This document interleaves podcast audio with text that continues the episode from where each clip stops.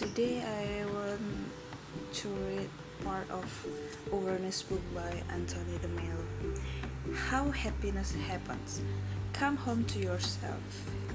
Observe yourself. That's why I said earlier that self observation is such a delightful and extraordinary thing. After a while, you don't have to make any effort because as illusion begin to crumble, you begin to know things that cannot be described. It's called happiness. Everything changes and you become addicted to awareness. There's the story of disciple who went to the master and said, Could you give me word of wisdom? Could you tell me something that would guide me through my days? It was the master's days of silence, so he picked up a pen. It said, Awareness. When the disciple saw it, he said, This is too brief. Can you expand on it a bit? So the master took back the pad and wrote awareness, awareness, awareness. The disciple said, Yes, but what does it mean? The master took back the pen and wrote awareness, awareness, awareness means awareness. That's what it is to watch yourself. No one can show you how to do it because he would be giving you a technique, he would be programming you. But watch yourself. When you talk to someone, are you aware of it or are you simply identifying with it? When you got angry with somebody, were you aware that you were angry or were you simply identifying identifying with your anger? Later, when you had the time, did you study your experience and attempt to understand it? Where did it come from? What brought it on?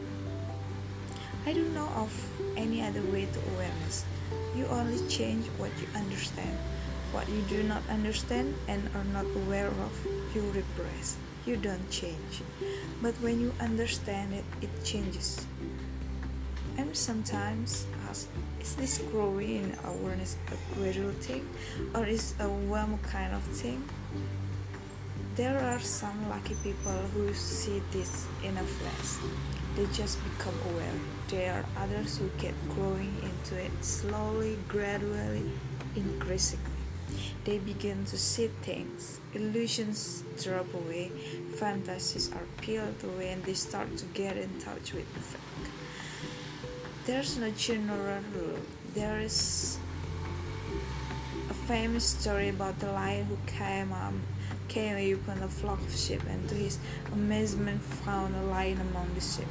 It was a lion who had been brought up by the sheep ever since he was a cub. It would bleat like a sheep and run around like a sheep.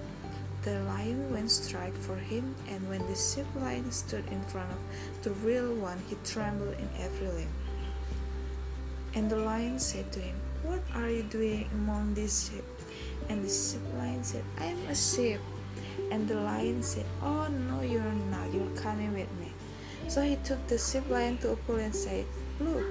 And when the sheep lion looked at his reflection in the water, he let out a mighty roar and in that moment he was transformed. He was never the same again. If you're lucky and the gods are gracious, or if you are gifted with divine grace, you might suddenly understand who I is, and you'll never be the same again. Never. Nothing will ever be able to touch you again, and no one will ever be able to hurt you again.